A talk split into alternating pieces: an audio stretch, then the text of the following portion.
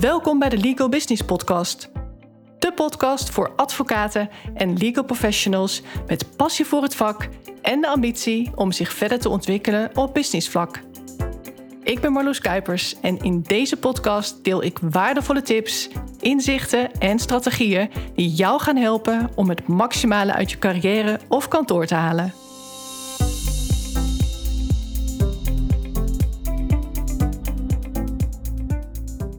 Ik zie jou als een luxe product. Dat is wat een advocaat laatst tegen mij zei toen we in gesprek waren over een samenwerking. Ik vond het een interessante opmerking. Ik had hem nog niet eerder gehoord. Maar ik denk stiekem wel dat meer advocaten daar zo over denken. Wat zij letterlijk tegen mij zei was: Ik weet niet of ik mijzelf dat wel gun. Nu al in zo'n business traject stappen. Het ging over het business traject voor ondernemers, meestelijk ondernemen. Een traject waar je een jaar lang één op één door mij wordt begeleid waardoor je alle pionnen op de juiste plek kunt zetten, samen met mij. Waardoor je eigenlijk een hele transformatie doormaakt met jouw kantoor.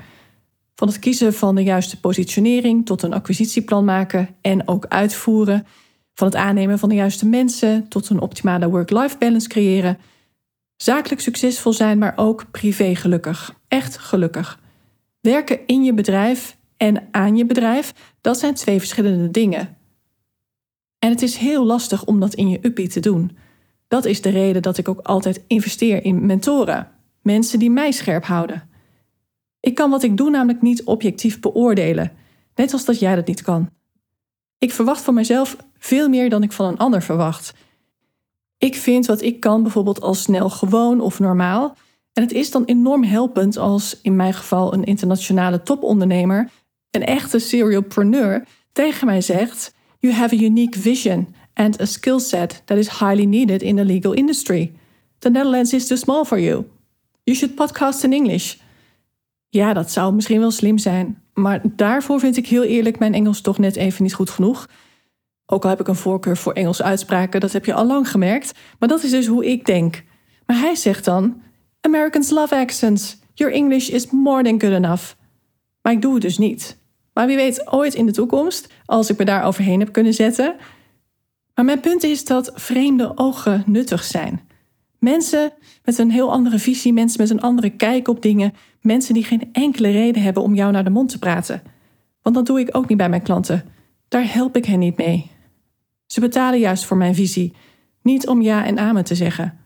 Ik wil dat ze de juiste keuzes maken en om de juiste redenen. En dat vraagt dat ik scherp moet zijn en ook heel eerlijk. Maar goed, even terug naar die opmerking.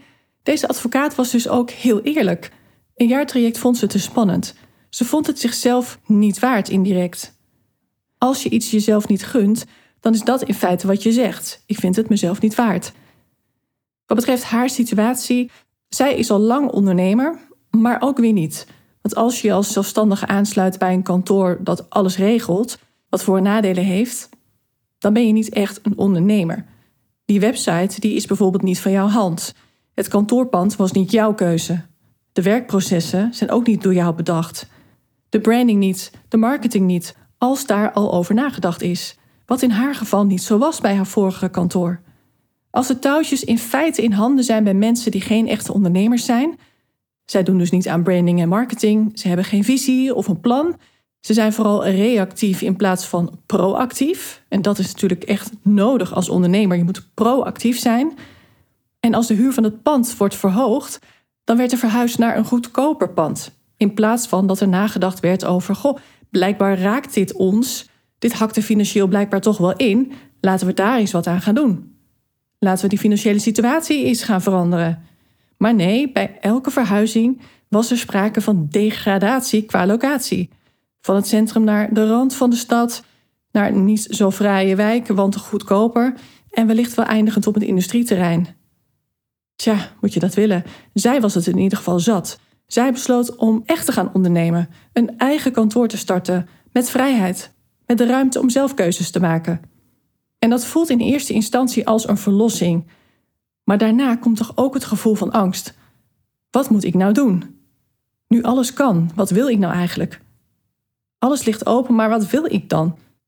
En dan kom je erachter dat je dat niet helder hebt. En waarom heb je dat niet helder? Ja, dat weet je ook niet. Dus dan is het heel verstandig om hulp in te schakelen. Iemand met verstand van de branche, iemand die meekijkt en iemand die meedenkt. Iemand die zorgt voor antwoorden, voor richting, voor concrete doelen en vervolgens voor resultaten. Kijk, als ondernemer doe je dat uiteindelijk natuurlijk allemaal zelf, laat dat voorop staan. Want ik kan wel van alles zeggen, ik kan je een hele route uitstippelen, maar jij moet het wel zelf gaan doen. En je gaat obstakels tegenkomen. Dat is een feit, maar dat is niet erg. Dat is normaal en dan is het juist fijn dat je er niet alleen voor staat. Waarschijnlijk heb ik zelfs al voorspeld dat bepaalde dingen zouden gaan gebeuren. Dat is die ondernemersreis. Met ups en downs, maar wel bullish. Om maar even in investeringstermen te spreken. De lijn gaat wel omhoog. Niet heel lineair, niet super strak, maar wel, het is een stijgende lijn. Dus dat is goed. En wat er vaak gedacht wordt, en dat had zij ook, dat is dat je eerst een stabiel omzetniveau moet hebben bereikt. Pas dan is het verstandig om te investeren. Maar dat is niet zo. Je moet juist investeren om daar zo snel mogelijk te komen. En dat geldt niet voor iedereen, want je moet wel de potentie hebben om snel progressie te kunnen maken. Er zijn genoeg advocaten voor wie ik een groot traject niet geschikt vind. Dan twijfel ik zelf. En dan test ik het eerst uit met een kortere samenwerking, waar we aan één groot probleem werken, of waarbij we juist focussen op één concreet doel. En wat haar betreft, zij is absoluut geschikt voor mijn business traject, maar ja, ze vond het zichzelf niet waard. Ze vond dat ze richting haar gezin toch echt wel substantieel moest kunnen blijven bijdragen. En door de twijfel bij zichzelf kan ik hier wel het maximale uithalen? Dat maakte dus dat ze ging twijfelen of ze wel ging groeien qua omzet.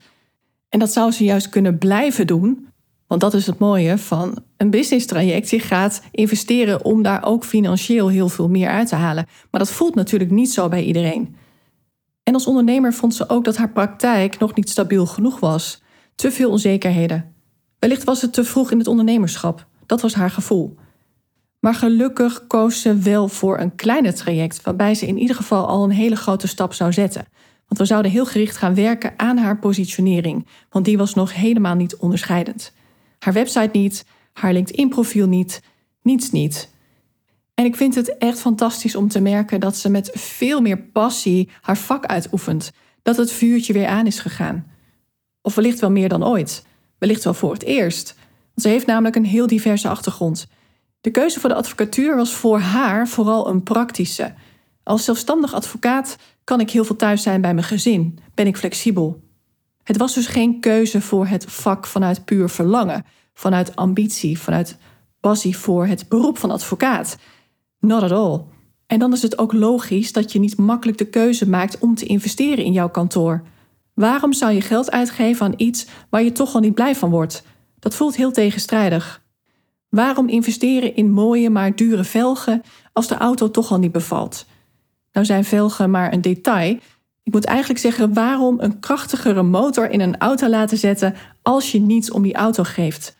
Dat is in feite wat er aan de hand is. Als je enorm enthousiast wordt van jouw bedrijf, dan voelt het als een must om daar alles uit te halen, toch? Dan is investeren in je bedrijf logisch. Jouw bedrijf is het waard. Jij wilt dat het slaagt. Halfbakken ondernemen voelt dan als falen en zal afbreuk doen aan jouw werkplezier en aan jouw geluk. En daar hebben we de kern te pakken. Als je niet het gevoel hebt dat je geluk en plezier kunt halen uit jouw vak als advocaat of uit het ondernemerschap, dan heeft het niet jouw prioriteit. Een plant gaat ook dood als je die geen water geeft. Maar als jou dat niets uitmaakt, want het is toch een lelijke plant, tja, dan gaat hij dood. Maar dan is het niet omdat het een slechte plant is, omdat je hem zelf om zeep hebt geholpen. Het is niet dat die plant ziek was of geen overlevingskans had. Nee, je zorgt er gewoon niet goed voor. Dus de rode draad van dit verhaal is dat ik wellicht een luxe product ben voor advocaten of legal professionals, voor ondernemers die niet echt om hun vak geven. Denk maar eens na. Maar realiseer je ook dat je dat zelf in stand houdt. Door jouw carrière of jouw ondernemersavontuur niet de aandacht te geven die het verdient. Voor niets gaat de zon op. Je moet de planten wel water geven. Dat is nog het beste vergelijk. En wat nog veel belangrijker is, en dat hoop ik je vooral mee te geven, er is vaak een logische reden voor dat het kan me niet heel veel schelen gevoel.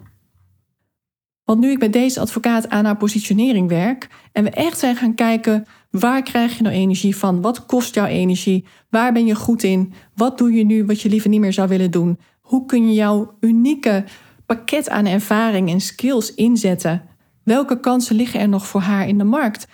Wat zie ik haar vakgenoten niet doen? Dus welke kansen laten zij liggen die zij juist kan oppakken? En dan is het net alsof de wolken wegtrekken en de zon tevoorschijn komt. Er is energie. Er is een stip op de horizon. Alles waar je nu zo van baalt, hoeft niet zo te blijven. Ik zeg altijd: als je het juridische helemaal zat bent, dan moet je misschien overwegen om het vak uit te gaan. Maar als je dat eigenlijk wel leuk vindt, misschien op een andere manier, maar in principe vind je het nog boeiend, dan kun je in feite alles naar jouw hand zetten. Met mijn hulp kan alles er over een jaar of wellicht al heel veel eerder compleet anders uitzien. Dus gooi de handdoek niet te snel in de ring. En settle ook niet te snel voordat, ach ja, het verdient wel oké, maar echt blij word ik er niet van. Want het is nog veel erger als je gewoon doorkabbelt op hetzelfde niveau. Dat je stuurloos blijft, zonder richting. Dan word je pas echt ongelukkig. Niet kiezen voor verandering, maar voor dezelfde misère. En daarvoor ben jij zelf verantwoordelijk. Ik kan het niet mooier maken. En deze advocaat nam een beslissing vanuit haar hoofd. Ik wil dit niet meer. Ik wil alvast een stap zetten in de goede richting. Want ik wil een succesvol kantoor van de grond krijgen, al weet ik nu nog niet hoe.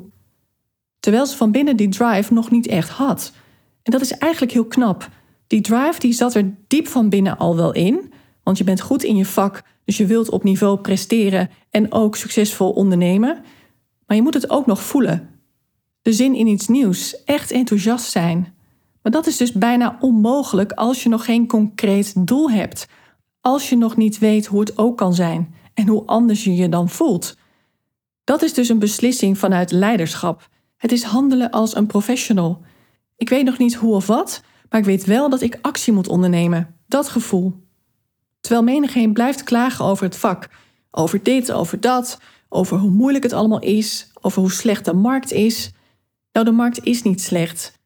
Want dat is ook iets wat ik geregeld tegen haar zeg, als grapje, omdat zij mij natuurlijk een luxe product noemde.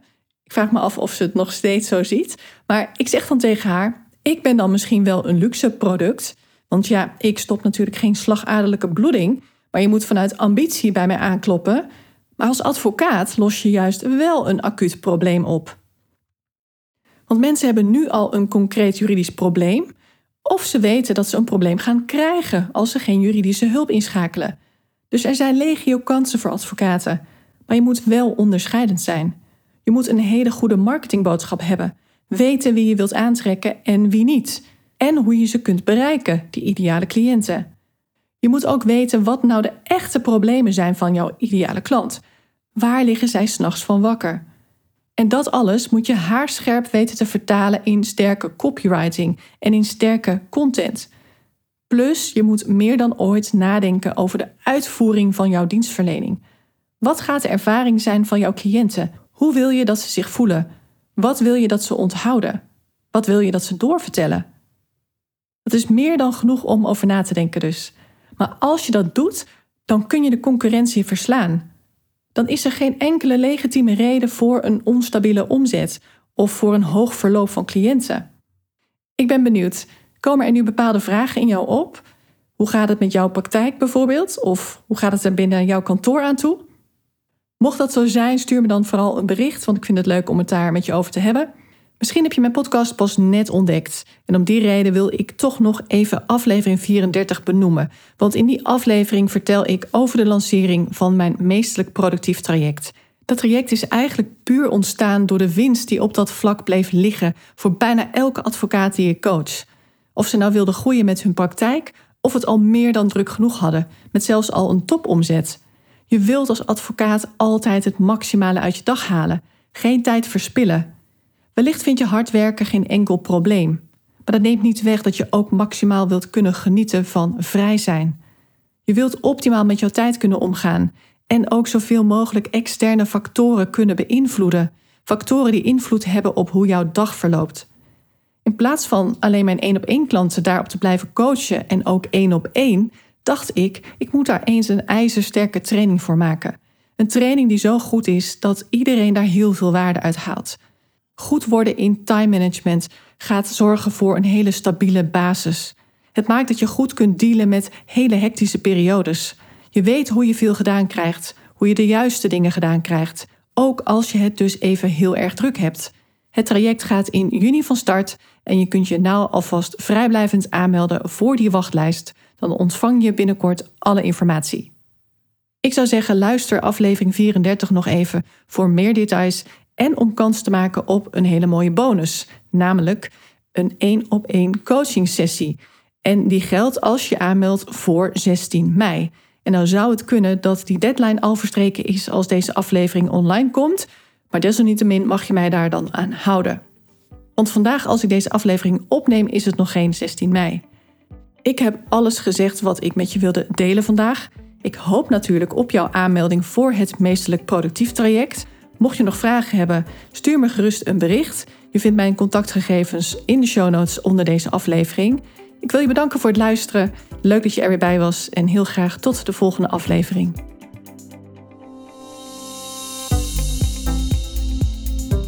Dankjewel voor het luisteren. Mocht je deze podcast waardevol vinden, abonneer je dan of volg mijn podcast zodat je geen aflevering hoeft te missen. En deel hem ook vooral in je netwerk. Ook zou je mij een groot plezier doen met een 5-sterren review die je kunt achterlaten op iTunes. Niet alleen wordt de podcast dan beter gevonden, maar je helpt ook weer andere advocaten en juristen in hun reis naar succes en geluk. Uiteraard vind ik het leuk om te horen wat je meeneemt uit deze aflevering. Stuur me een bericht op LinkedIn of mail naar info.marloeskuipers.nl. Heb jij bepaalde ambities en wil je weten hoe ik jou zou kunnen helpen bij het verwezenlijken daarvan? Vraag dan een gratis meesterschapscall aan via mijn website Ga naar www.marloeskuipers.nl. Alle informatie vind je ook in de show notes bij deze aflevering. Ik kijk er naar uit om van je te horen. Tot de volgende keer.